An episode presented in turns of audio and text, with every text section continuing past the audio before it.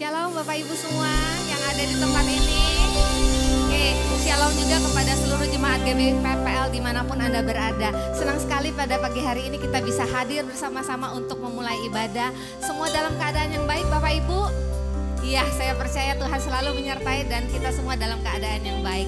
Bapak Ibu, eh, ada beberapa pengumuman yang akan disampaikan untuk seluruh jemaat GBI PPL. Yang pertama adalah bagi Bapak Ibu yang dukungan doa, apa pun pergumulan dalam kehidupan Bapak Ibu, Bapak Ibu boleh menghubungi uh, nomor yang tertera di layar Bapak Ibu untuk mendapat dukungan doa dari tim doa kami. Dan bagi Bapak Ibu yang ada di cabang-cabang, Bapak Ibu juga dapat menghubungi tim doa yang ada di setiap cabang GBI PL. Dan yang kedua adalah apabila Bapak Ibu ada pertanyaan seputar gereja GBI PPL, Bapak Ibu dapat menghubungi WhatsApp Center yang tertera nomornya di layar Bapak Ibu dan di layar LED. Kami percaya apa pun yang Bapak Ibu tanyakan bisa dijawab oleh tim dari uh, WhatsApp Center. Terima kasih Bapak Ibu dan mari sama-sama sebelum kita memulai ibadah, kita akan tundukkan kepala, kita akan sama-sama beribadah.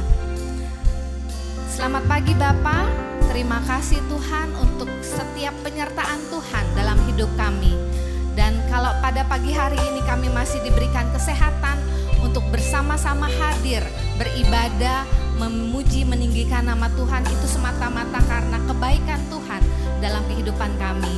Tuhan kami percaya Tuhan, saat ini kami datang membawa hati kami, membawa kerinduan kami untuk bisa sama-sama memuji, meninggikan nama Tuhan.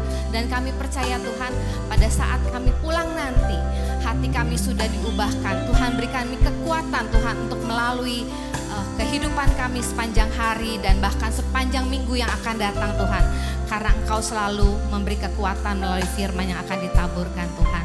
Terima kasih Tuhan dan kami percaya Tuhan hadir di tempat ini pada pagi hari ini dan Tuhan akan melawat setiap jemaat yang memiliki kerinduan akan Engkau.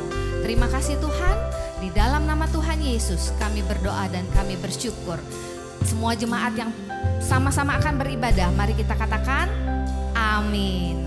Kita berikan tepuk tangan yang paling meriah buat Tuhan. Terima kasih untuk kesempatan kami untuk mengenal Tuhan kami lebih dan lebih lagi setiap harinya Tuhan. Untuk setiap kami boleh memiliki karakter Kristus hari demi hari kami. Kami diubahkan karena pengenalan akan Engkau Tuhan. Setiap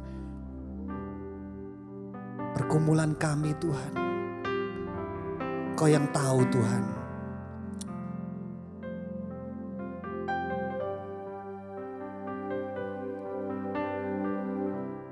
Aku rindu mengenalmu. Mengenalmu secara pribadi. Bukan karena ku kagumi semua karya dan ciptaanmu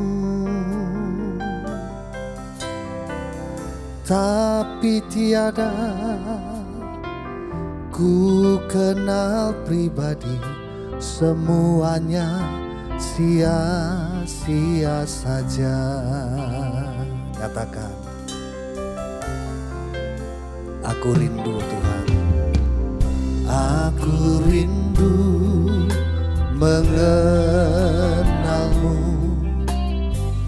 Mengenalmu secara pribadi bukan hanya ku kagumi semua karya dan ciptaanmu. Tapi tiada ku kenal pribadi semuanya sia-sia saja.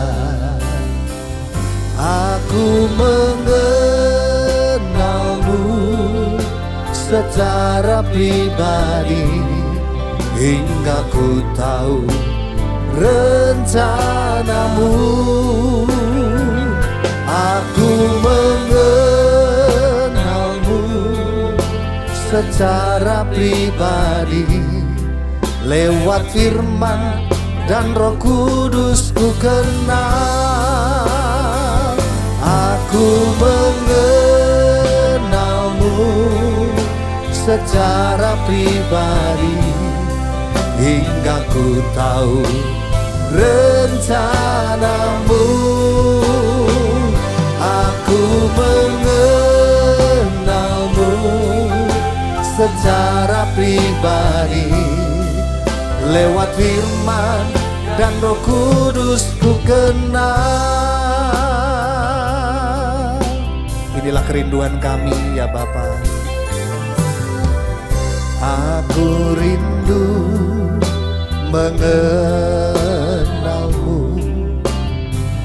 mengenalmu secara pribadi.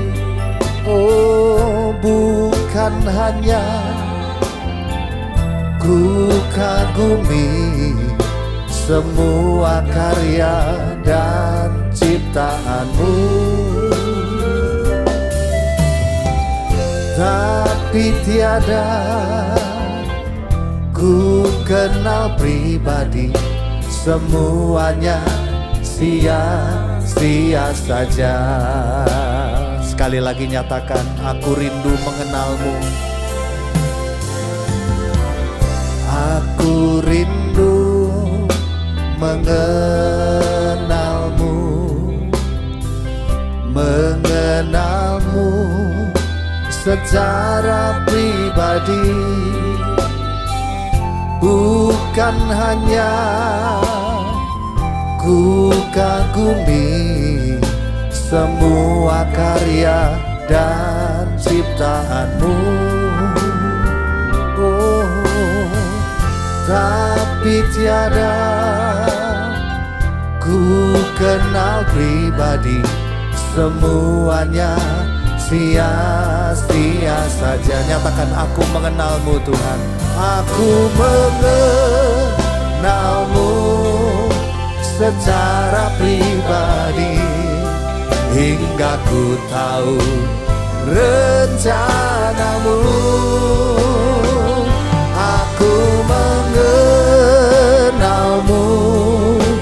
secara pribadi lewat firman dan roh kudus ku kenal aku mengenal aku mengenalmu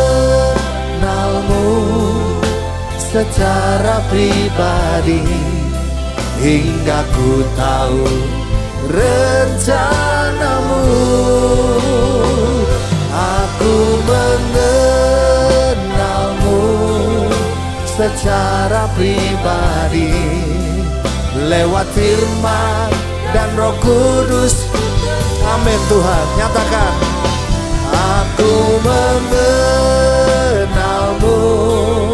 secara pribadi hingga ku tahu rencanamu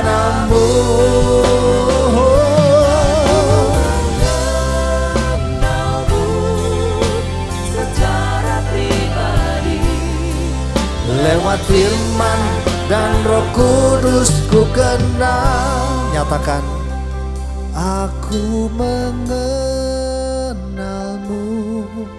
secara pribadi hingga ku tahu rencanamu. Aku mengenalmu secara pribadi lewat firman dan roh kudus ku kenal. Lewat firman dan roh kudus ku kenal. Amin. Sekali lagi nyatakan. Lewat firman dan roh kudus ku kenal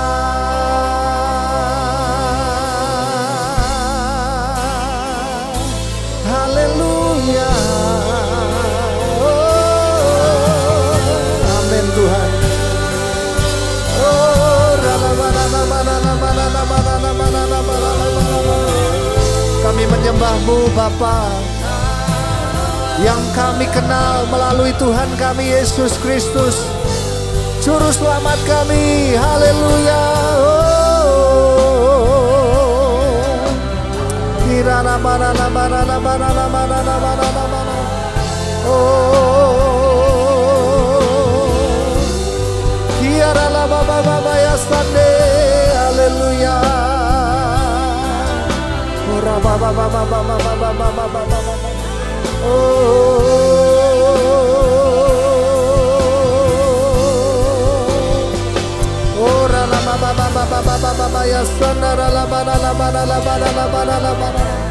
Haleluya Haleluya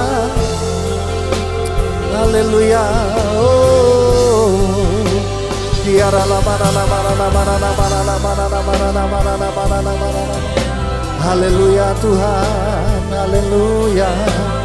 Oh, oh, oh.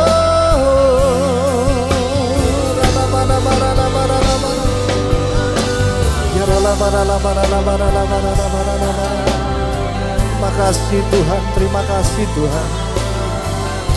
Oh, makasih Bapak.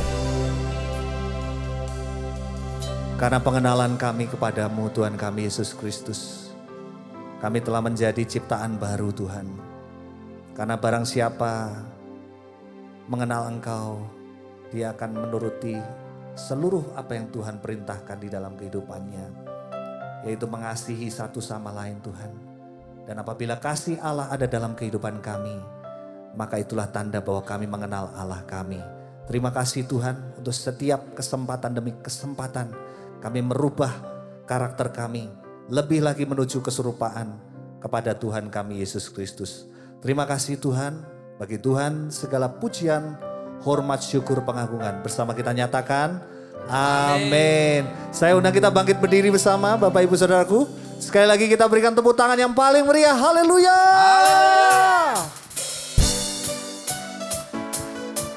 Mari bertepuk tangan bersama-sama.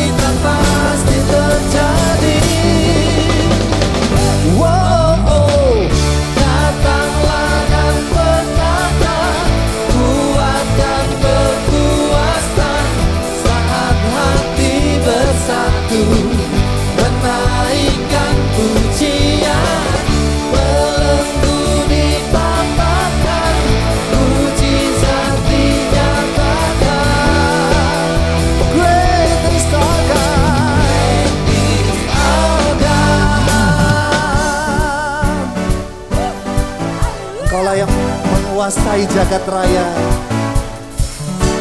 Oleh sebab itu Tuhan, sepantasnya kami menyembahmu Tuhan. Kau yang menguasai kehidupan kami Tuhan. Yeah.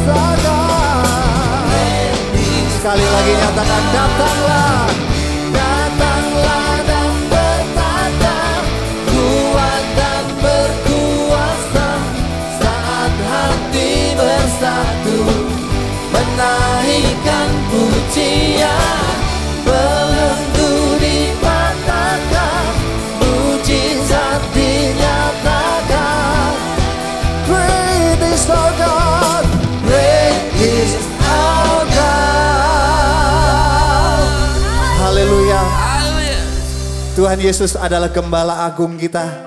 Dialah yang menuntun kehidupan kita Menuntun jalan kita ke mana pun kita pergi. Kita tidak perlu takut. Amin. Sekali lagi kita berikan tepuk tangan bagi Tuhan Allah kita. Yeay.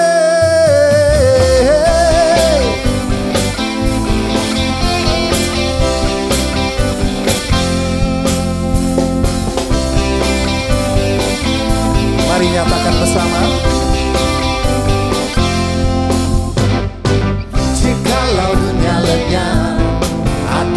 Bumi pun tak lagi berputar Kau akan tetap ada. Berjaya dan berkuasa selamanya.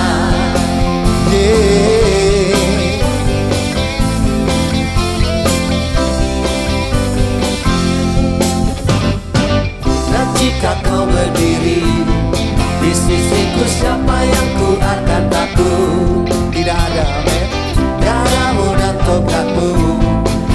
yang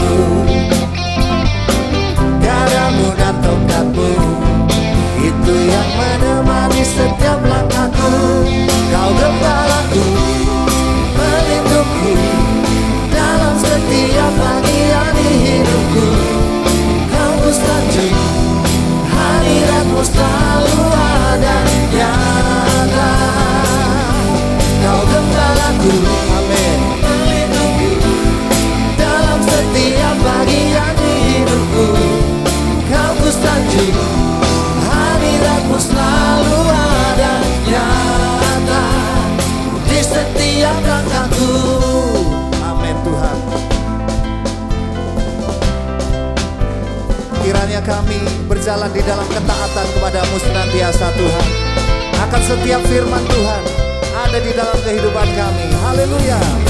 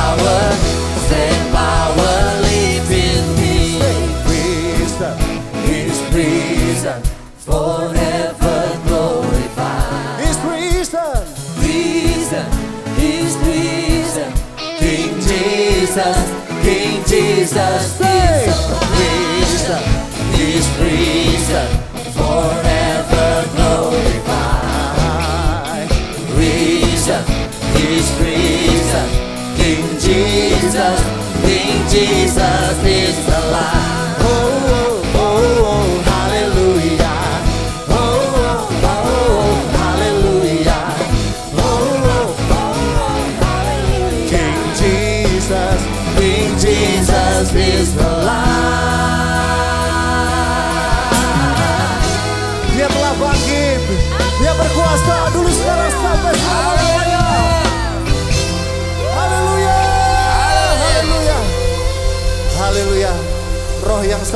kuasa yang sama yang telah membangkitkan Tuhan kita Yesus Kristus akan membangkitkan juga kita orang-orang benar, orang-orang yang senantiasa mengikut Dia. Amin Bapak Ibu Saudara. Amin. Sekali lagi kita berikan tepuk tangan yang paling meriah. Haleluya. Silakan duduk Bapak Ibu Saudaraku.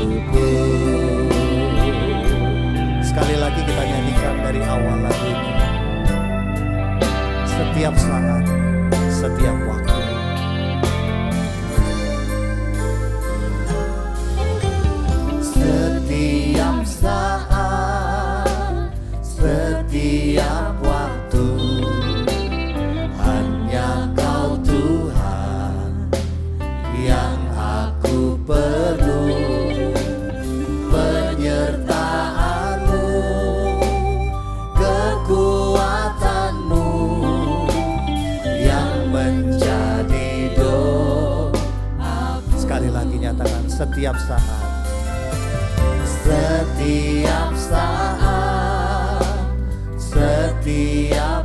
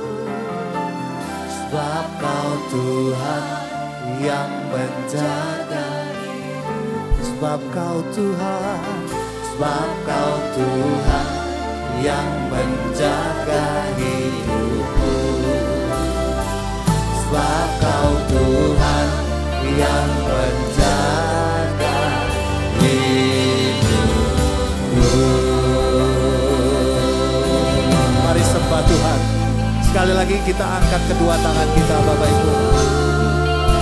Urabaya Terima kasih atas penjagaan Tuhan. Terima kasih atas pemeliharaanmu ya Tuhan. Urabaya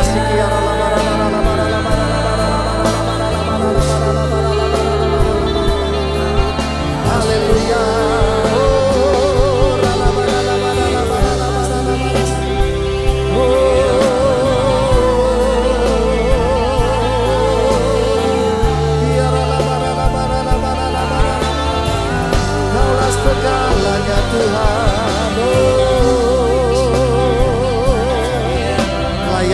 mau disembah Tuhan. Oh, Tuhan yang menjaga kehidupan kami.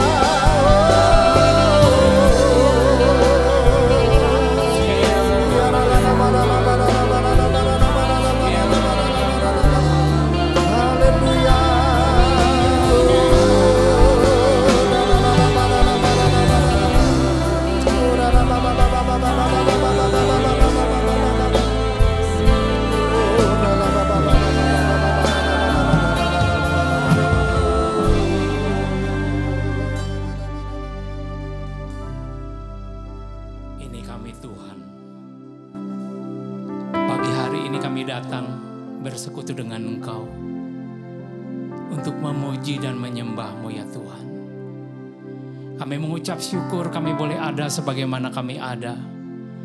Kami mengucap syukur untuk karyamu di dalam setiap kehidupan kami. Kami mengucap syukur untuk kasih karunia yang kau sudah limpahkan atas hidup setiap kami ya Tuhan. Sebentar kami akan mendengarkan sebagian daripada kebenaran firman Tuhan. Urapi hambamu, urapi kami semua. Sehingga kami bukan hanya kagum akan engkau. Tetapi kami pribadi lepas pribadi lebih lagi mengenal engkau ya Tuhan. Kami percaya firman yang kami dengar tidak akan kembali dengan sia-sia. Tetapi akan membuat kami semakin teguh, semakin kuat di dalam pengiringan kami akan engkau. Roh Kudus kuasai hati dan pikiran kami. Roh Kudus arahkan mata dan telinga kami hanya tertuju kepada Engkau saja ya Bapa. Terima kasih di dalam nama Tuhan Yesus. Kami semua sudah berdoa mengucap syukur. Yang siap menerima berkat Tuhan, sama-sama kita katakan amin. Silakan Bapak Ibu Saudaraku untuk duduk. Shalom semuanya dalam keadaan baik. Juga untuk Bapak Ibu yang ada di rumah ataupun di mana saja yang mengikuti siaran ini lewat online. Saya mengucapkan selamat pagi, Tuhan memberkati. Bapak, Ibu, dan saudaraku semuanya, tanpa terasa kita sudah memasuki hari Minggu terakhir di bulan Februari tahun 2024. Dan sepanjang tahun ini kita terus akan diingatkan tentang umat yang layak bagi Tuhan. Umat yang layak itu seperti apa sih? Umat yang layak itu adalah umat yang pantas, umat yang wajar, umat yang berkenan di hadapan Tuhan, sehingga umat itu akan menerima kemuliaan Tuhan. Coba kita perhatikan Lukas pasal yang ke-1, ayat yang ke-17. Saya akan bacakan.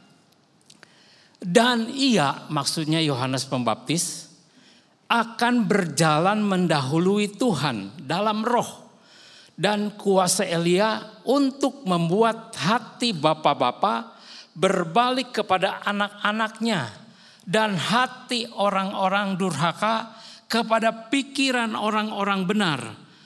Dan dengan demikian menyiapkan bagi Tuhan suatu umat yang layak baginya. Nah, ayat ini merupakan perkataan malaikat yang disampaikan kepada Imam Sakaria. Ya, ayah daripada Yohanes Pembaptis di mana saat itu Yohanes Pembaptis belum lahir. Istri Imam Sakaria adalah Elizabeth. Elizabeth ini dikenal katakanlah sebagai wanita yang mandul. Jadi waktu itu Imam Sakaria mendapatkan tugas untuk membawa uh, membawa membakar ukupan di dalam bait suci Allah. Nah, ada beberapa pernyataan malaikat yang disampaikan tentang pelayanan Yohanes Pembaptis. Dan memang ketika Yohanes Pembaptis mulai memulai pelayanannya, saudaraku, lewat suara yang digaungkannya di padang gurun dia berkata demikian, "Bertobatlah sebab kerajaan Allah sudah dekat." Dengan perkataan seperti itu banyak orang Israel yang bertobat. Dengan demikian Yohanes Pembaptis menyiapkan umat yang layak bagi Tuhan. Nah dari Lukas 1 ayat 17 tadi ada tiga kata yang menarik yang perlu kita perhatikan. Yang pertama adalah berbalik. Yang kedua adalah masalah hati. Dan yang ketiga adalah masalah pikiran.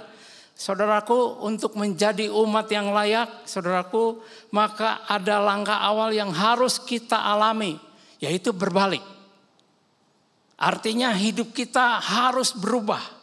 Hidup kita harus ada di dalam pertobatan. Hidup kita harus dibaharui. Hidup kita harus sungguh-sungguh mengenal Tuhan Tuhan kita Yesus Kristus lebih dalam lagi. Karena ketika terjadi perubahan maka akan terjadi pemulihan. Pertanyaannya, perubahan atau pembaharuan apa yang harus dialami oleh seseorang ketika ia ingin hidupnya dipulihkan dan ketika ia ingin menjadi umat yang layak bagi Tuhan? Nah, jawabannya perlu perubahan hati dan perlu perubahan pikiran. Nah, Bapak Ibu dan saudaraku, saudara, saudaraku semuanya, hati yang keras harus berubah menjadi hati yang taat dan itu hanya bisa dilakukan oleh Roh Kudus. Sekali lagi, hati yang keras harus berubah menjadi hati yang taat dan itu hanya dilakukan hanya bisa dilakukan oleh Roh Kudus. Di dalam kitab Yeskiel dikatakan Allah akan memberikan hati yang baru dan roh yang baru. Dan hati yang keras itu dijauhkan dan diberikan hati yang taat. Jadi dalam setiap perubahan ada bagian Tuhan dan ada bagian orang percaya. Nah perubahan pikiran itu merupakan bagian setiap kita sebagai orang percaya. Kita tahu bahwa hati adalah sumber kehidupan. Sedangkan pikiran, saudaraku, itu mempengaruhi sistem percaya kita. Pikiran kita itu mempengaruhi iman kita. Oleh sebab itu, kedua unsur ini yaitu hati dan pikiran harus bekerja bersama-sama, harus bersinergi. Tanpa sinergi, saudaraku, orang percaya tidak akan mengalami pemulihan di dalam hidupnya. Apabila seseorang hanya mengalami perubahan hati saja tanpa mengalami perubahan pikiran, tidak akan terjadi pemulihan kehidupan. Demikian juga kalau orang hanya berubah pikirannya saja, tetapi tidak mengalami perubahan hatinya, roh yang ada di dalam dirinya, maka orang itu pun tidak akan mengalami pemulihan di dalam kehidupannya. Coba kita perhatikan surat Efesus pasal yang keempat ayat 21 sampai dengan ayat 23 saya akan membacakan buat Bapak Ibu dan saudaraku semuanya. Karena kamu telah mendengar tentang dia dan menerima pengajaran di dalam dia menurut kebenaran yang nyata dalam Yesus yaitu bahwa kamu berhubung dengan kehidupan kamu yang dahulu harus menanggalkan manusia lama yang menemui kebinasaannya oleh nafsunya yang menyesatkan supaya kamu dibaharui di dalam roh dan pikiranmu. Jadi walaupun kita sudah mendengar tentang Yesus, walaupun kita sudah tahu tentang sifat Allah yang ada di dalam pribadi Yesus Kristus, saudaraku, maka sifat lama kita yang membawa kita kepada kebinasaan itu harus dimatikan. Itu harus dibuang jauh-jauh. Itu harus dihentikan. Lewat apa? Lewat pembaharuan roh dan pikiran kita. Saat itulah kalau terjadi pembaharuan roh dan pikiran, maka pemulihan hidup itu terjadi di dalam setiap kita. Lahir baru adalah sebuah proses, sebuah peristiwa yang terjadi seketika. Di mana ketika kita membuka hati kita dan mengundang Roh Kudus masuk ke dalam diri kita, maka kita punya roh yang baru. Tetapi perubahan pikiran bukan terjadi seketika. Ada proses yang harus kita alami, ada proses yang harus kita lalui. Hari ini saya akan membahas tentang pikiran, tentang masalah hati. Nanti saya akan sampaikan di waktu-waktu berikutnya. Siapa yang percaya bahwa di balik pikiran kita, di dalamnya ada kekuatan. Tolong angkat tangan. Bahwa di balik pikiran kita, di dalamnya ada kekuatan. Siapa yang percaya? saya percaya. Alkitab juga menyatakan, pikirkanlah perkara-perkara yang di atas. Pikirkanlah semua yang manis, semua yang adil, semua yang bijak. Pikirkanlah semuanya itu. Berarti kalau kita memikirkan perkara-perkara yang di atas, saudara, ada kekuatan di dalamnya. Nah hari ini saya ingin menyampaikan pengalaman hidup saya. Ya, bahwa benar di balik pikiran itu ada kekuatan di dalamnya.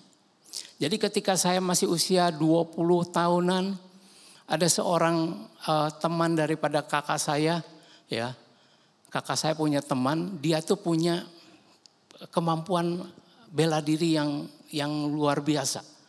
Dia mendalami uh, bela diri aikido.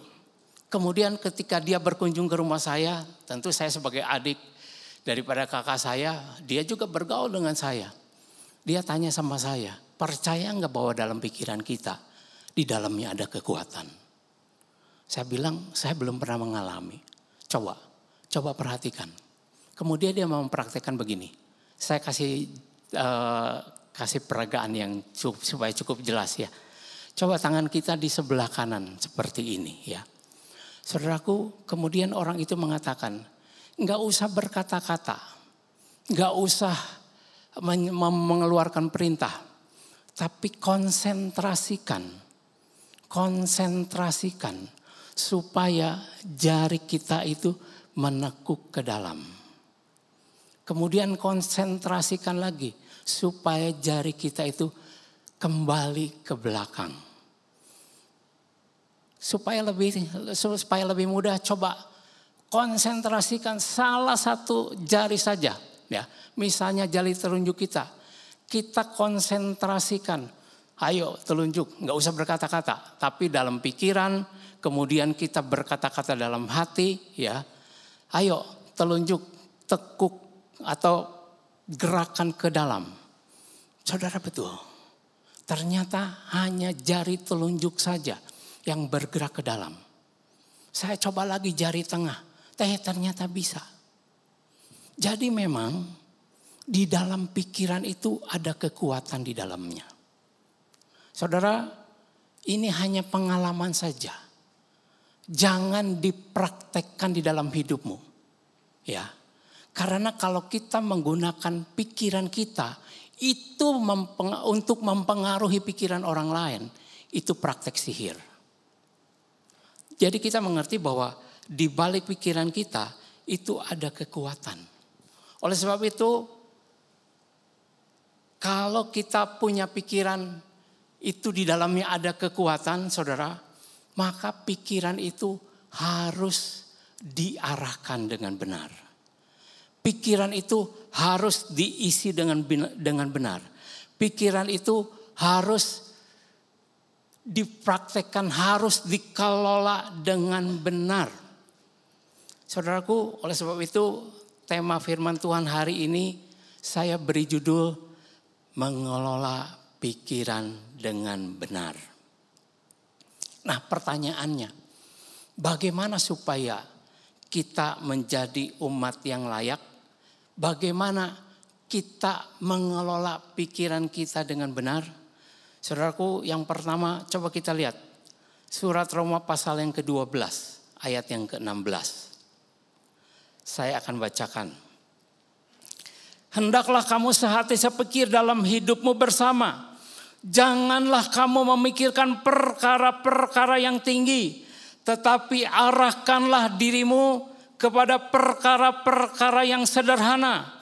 Janganlah menganggap dirimu pandai jadi dari ayat ini saya menyimpulkan kalau kita mau menjadi umat yang layak di hadapan Tuhan, kita harus mengarahkan pikiran kita kepada hal-hal yang sederhana. Banyak orang terjebak dengan kesulitan karena salah mengarahkan pikirannya. Dalam kehidupan sehari-hari, banyak orang yang berpikir terlalu berlebihan, overthinking, saudaraku. Banyak orang di dalam kehidupan sehari-hari karena pikirannya terlalu berlebihan, maka membuat orang itu ada di dalam kecemasan, ketakutan, kekhawatiran, dan membuat orang itu menjadi kurang kuat imannya. Saudaraku, kita jangan berpikir terlalu berlebihan. Kadang-kadang di dalam kehidupan kita sehari-hari ada istilah EGP. Ingat nggak EGP? Emangnya gua pikirin. Saudaraku, ya. Nah, kalau kita memikirkan hal-hal yang tidak perlu, maka akibatnya saudara kita tidak memiliki damai sejahtera di dalam hati ini. Saya ingin kasih contoh. Tadi kan uh, WL menyanyikan tentang kebangkitan Tuhan Yesus. Bahwa dia sudah mati kemudian dibangkitkan dari lubang kubur saudaraku.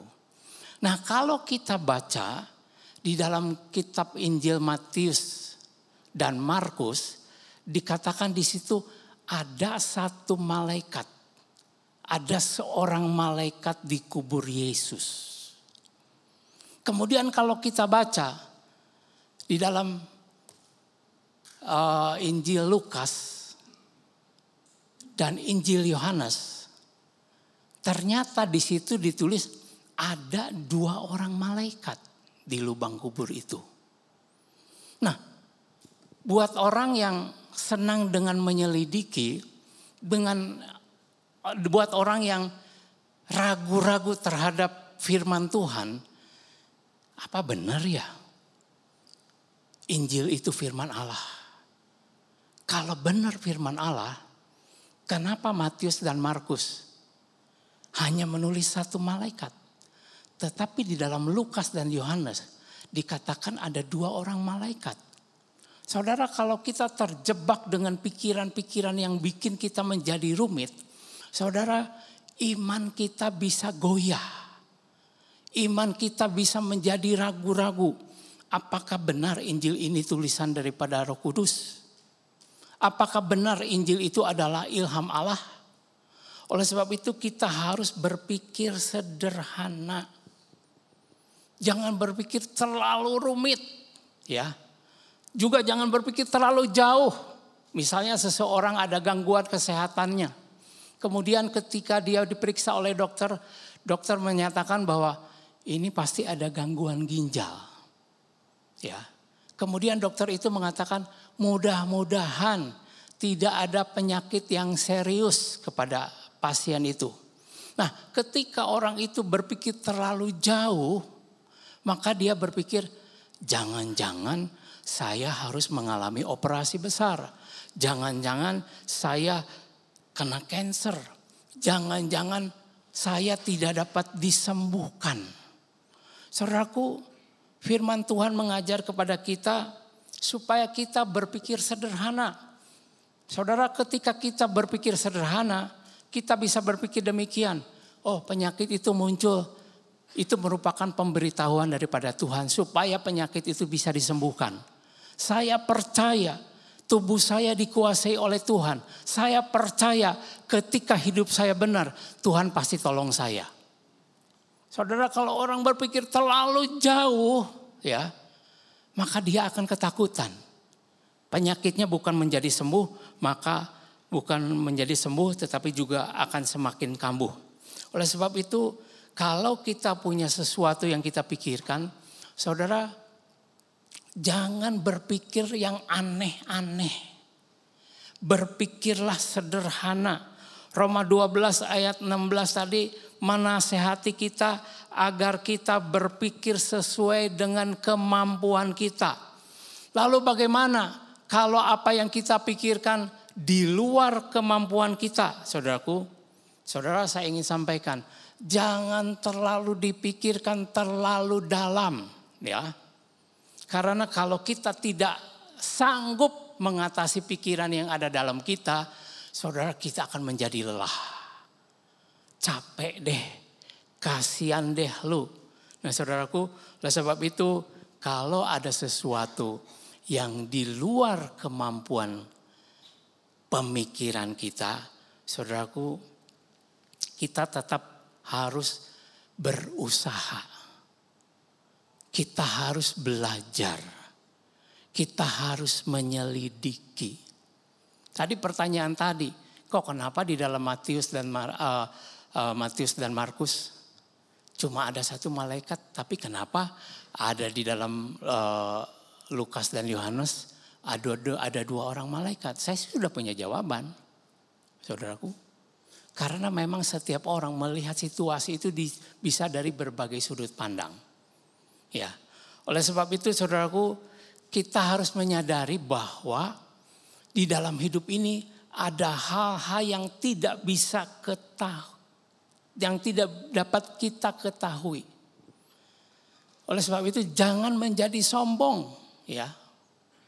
Roma 12 tadi mengatakan jangan kita menjadi sombong. Saudara, saat kita berpikir dengan sederhana, saya percaya hati yang penuh dengan damai sejahtera, hati yang penuh dengan sukacita akan menguasai hati dan pikiran kita. Amin.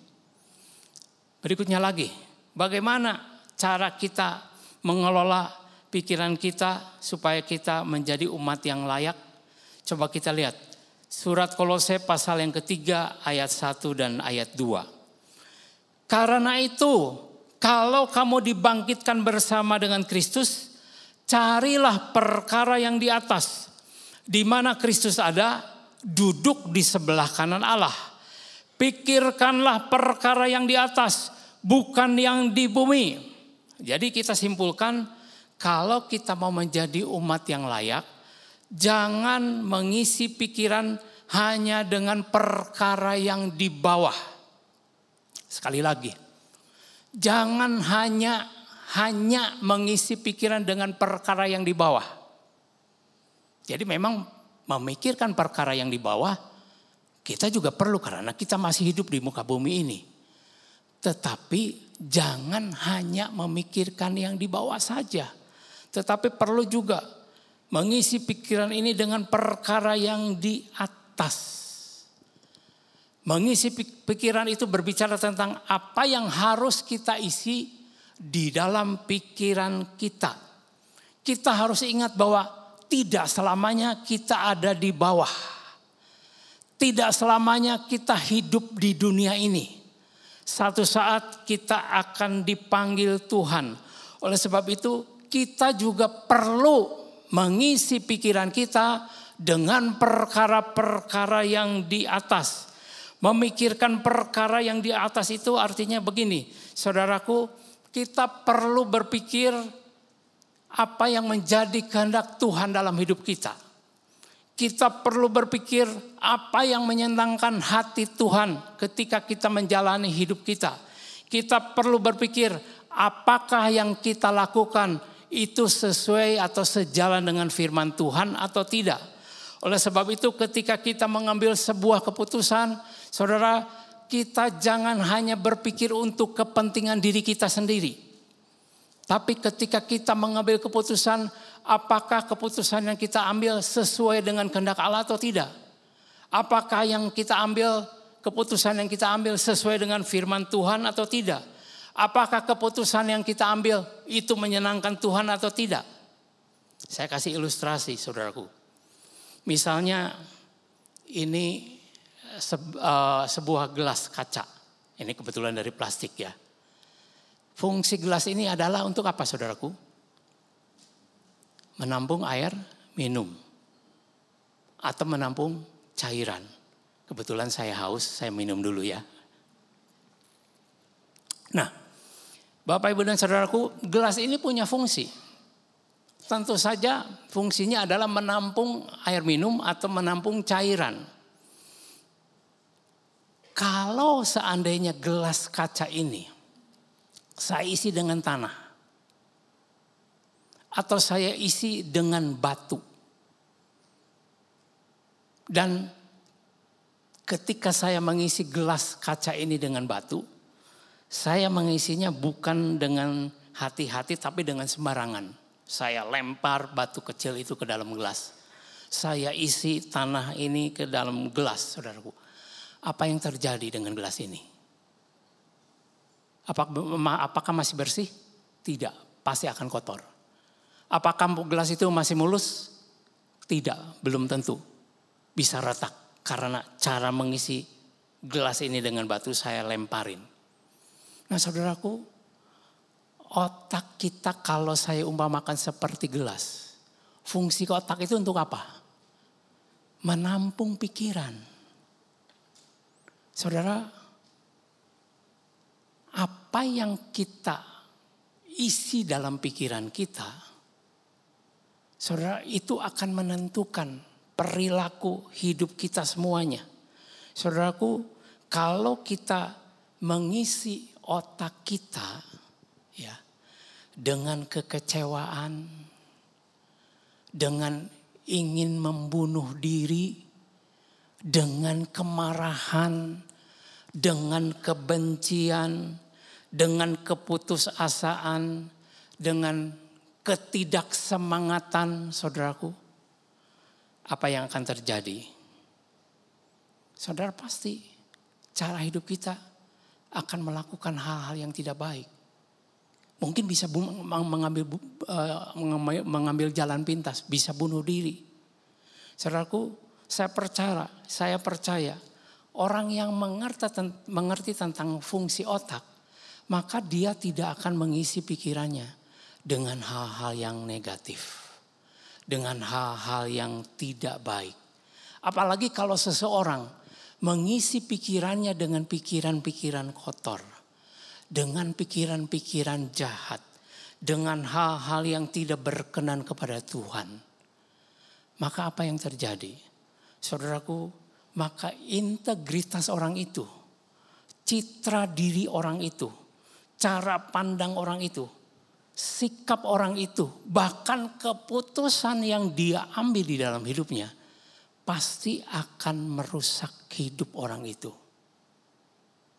Oleh sebab itu, pikirkanlah apa yang harus kita isi di dalam pikiran kita. Amin. Bapak Ibu dan Saudaraku, kita jangan hanya memikirkan perkara-perkara yang di bawah. Kita jangan hanya memikirkan perkara-perkara yang di bumi saja. Misalnya kita memikirkan kesenangan-kesenangan duniawi. Kita berpikir saya ingin melakukan apa saja. Karena hidup ini hanya sekali. Saudara kita harus berpikir panjang. Pikirkanlah masalah-masalah kekekalan. Kita harus ingat bahwa hidup di bumi ini hanya sementara. Sangat berbeda jauh dengan hidup di dalam kekekalan. Saudara, ketika kita memikirkan perkara-perkara yang di bawah, maka gaya hidup kita adalah gaya hidup keduniawian. Tetapi kalau kita memikirkan perkara-perkara yang di atas, maka pasti hidup kita diisi dengan kebenaran. Hidup kita pasti diisi dengan kekudusan. Hidup kita pasti diisi dengan kesucian. Hidup kita pasti diisi dikendalikan oleh hati, nuhar, hati nurani kita. Sehingga kita bisa membedakan mana yang benar dan mana yang salah. Saya percaya ketika kita mendengar firman Tuhan,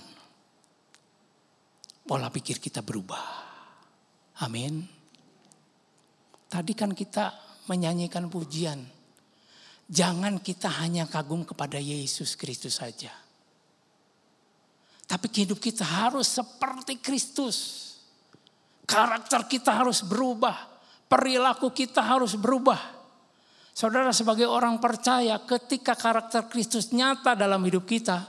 Maka kita akan menjadi terang. Kita akan menjadi garam buat banyak orang. Oleh sebab itu yang terakhir saudaraku. Bagaimana supaya kita bisa menjadi umat yang layak. Yaitu kita harus mengenakan pikiran Kristus. Coba kita lihat ayatnya. Filipi pasal yang kedua ayat yang kelima. Hendaklah kamu dalam hidupmu bersama menaruh pikiran dan perasaan yang terdapat juga dalam Kristus Yesus. Jadi pikiran itu perlu diarahkan. Pikiran itu perlu diisi. Pikiran itu perlu diatur. Dengan kata lain, pikiran itu perlu dikelola dengan benar.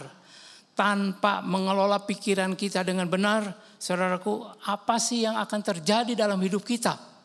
Saya kasih contoh di dalam Alkitab. Satu saat Tuhan Yesus berdialog dengan murid-muridnya. Tuhan Yesus berkata kepada murid-muridnya, kata orang siapakah aku ini? Kemudian murid-muridnya menjawab, ada yang mengatakan Elia, ada yang mengatakan eh, Yohanes Pembaptis, ada yang mengatakan salah satu dari para nabi. Kemudian Petrus yang suka ceplas-ceplos, Petrus berkata begini, engkau adalah Mesias, anak Allah yang hidup. Kemudian Tuhan Yesus memberikan reaksi.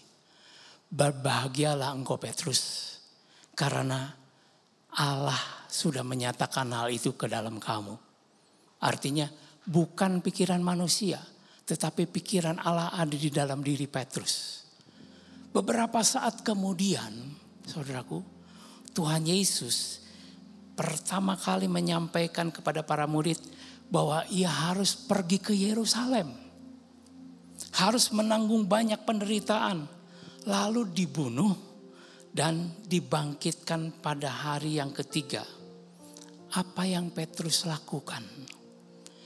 Petrus mengatur Yesus, membawa Yesus ke samping, kemudian berkata, "Tuhan, kiranya Allah menjauhkan hal itu, dan hal itu sekali-kali tidak akan menimpa Engkau."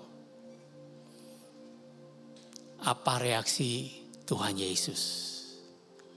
Tuhan Yesus berkata begini, Enyahlah engkau iblis, karena engkau bukan memikirkan apa yang dipikirkan Allah, melainkan engkau memikirkan apa yang dipikirkan manusia. Di sini kita belajar, ternyata Petrus tidak mengelola pikirannya dengan benar. Sepertinya dia mau melakukan sesuatu yang baik. Sepertinya dia mau melindungi Tuhan. Sepertinya dia mau membela Yesus Kristus. Bahkan dia mau mengatur Yesus Kristus. Saudaraku, padahal kalau Tuhan Yesus tidak pergi ke Yerusalem, maka karya salib itu tidak akan terjadi buat segenap manusia. Betul? Saudara, ketika Petrus tidak mengenakan pikiran Kristus, dengan kata lain, dia menggunakan pemikirannya sendiri. Dia menggunakan pemikiran kedagingannya, maka ia disebut sebagai iblis. Enyahlah engkau, engkau menjadi batu sandungan bagiku. Saudaraku, mengenakan pikiran Kristus itu apa? Saudara mengenakan pikiran Kristus artinya kita berpikir seperti seperti Kristus berpikir. Kita berperasaan seperti Kristus punya perasaan. Berarti kita harus menyelaraskan, menyesuaikan pikiran kita dengan pikiran Kristus. Berarti kita harus menyelaraskan, menyesuaikan perasaan kita dengan perasaan Kristus. Saudaraku, dengan kata lain, kalau kita memikirkan pikiran Kristus, maka perkataan yang keluar dari mulut kita, sikap yang ada di dalam diri kita, perbuatan yang kita lakukan dalam hidup kita, itu sesuai dengan pikiran, perasaan, dan perbuatan Kristus. Kalau Kristus penuh pengampunan, maka kita pun juga harus mengampuni orang di sekitar kita. Kalau Kristus tidak membalas orang yang mencaci maki dia, yang menghina dia, kita pun jangan membalas orang yang menyakiti hati kita. Kalau Kristus rendah hati, kita pun harus rendah hati.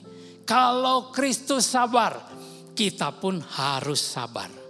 Banyak orang yang beranggapan bahwa pikiran saya, pikiran kita itu mampu mengatasi persoalan saya, saudaraku. Sehingga akhirnya orang itu tidak lagi mengenakan pikiran Kristus.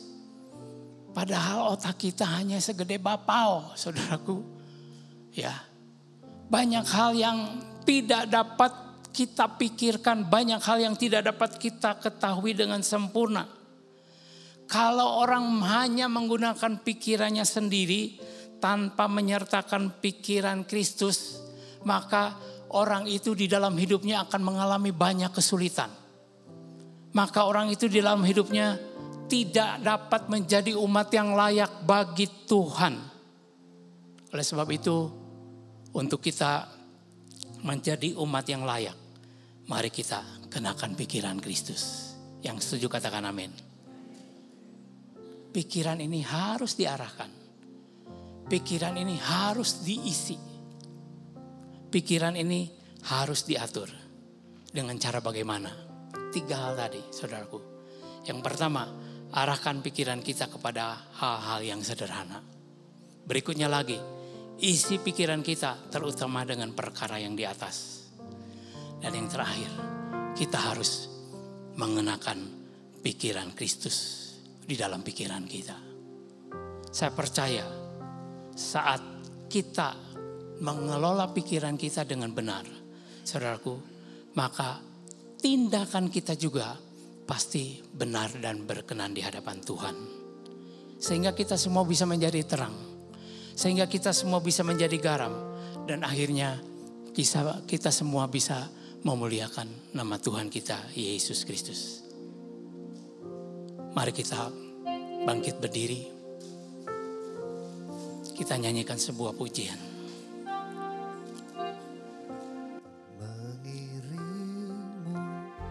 Seumur hidup Masuk dalam rencanamu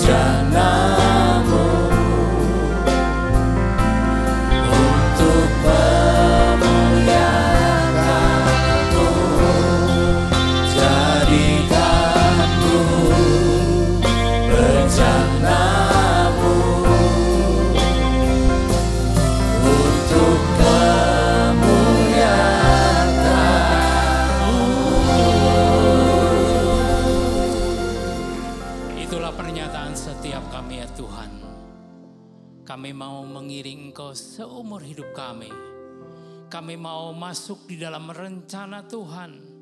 Kami mau menyerahkan pikiran kami sepenuhnya dalam kuasa tanganmu Tuhan. Dan kami mau mengenakan pikiran Kristus di dalam kehidupan setiap kami.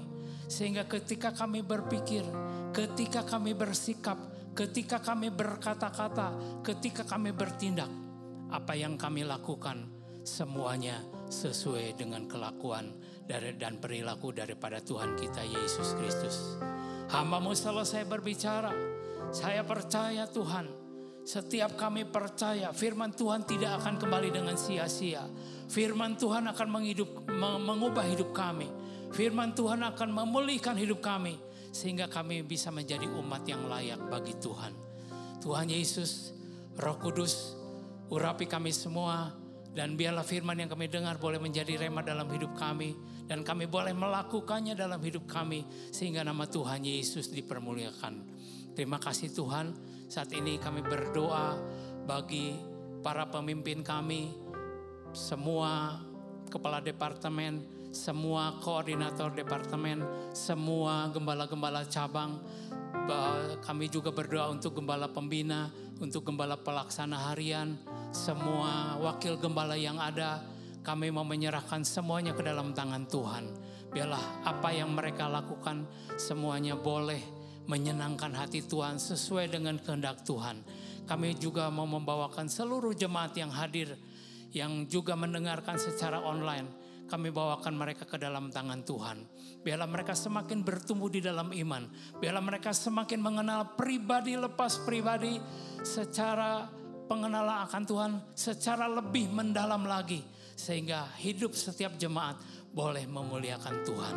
Tuhan Yesus juga kami berdoa untuk setiap persembahan yang kami serahkan untuk pekerjaan Tuhan. Biarlah apa yang kami berikan semuanya boleh berkenan di hadapan Tuhan. Apa yang kami berikan, kami berikan dengan penuh sukacita. Dan semuanya boleh memperlebar kerajaan Allah di muka bumi ini. Tuhan tak lupa kami juga berdoa buat bangsa dan negara kami. Kami tetap percaya Indonesia ada di dalam hatimu, Indonesia ada di dalam pandanganmu, Indonesia ada di dalam rencanamu. Dan kami percaya untuk apa pun yang sudah terjadi, Indonesia tetap ada di dalam kendali Tuhan. Terima kasih kami berdoa untuk Presiden, Wakil Presiden, se- seluruh jajaran aparat menteri yang ada, sampai aparat pemerintahan tingkat yang paling bawah. Biarlah takut akan Tuhan ada di dalam setiap mereka. Tuhan Yesus, sebentar kami akan berpisah satu dengan yang lain. Oleh sebab itu kami membuka hati kami. Kami mengarahkan hati kami untuk menerima berkat Tuhan. Sidang jemaat Tuhan, terimalah dengan iman berkat sukacita, damai sejahtera yang berlimpah-limpah dari Allah Bapa kita melalui kasihnya yang sempurna Tuhan kita Yesus Kristus dan persekutuan yang manis dengan Roh Kudus menyertai kita semua mulai saat ini sampai Maranatha bahkan sampai selama-lamanya. Yang sudah menerimanya sama-sama kita katakan amin. Selamat pagi, Tuhan memberkati.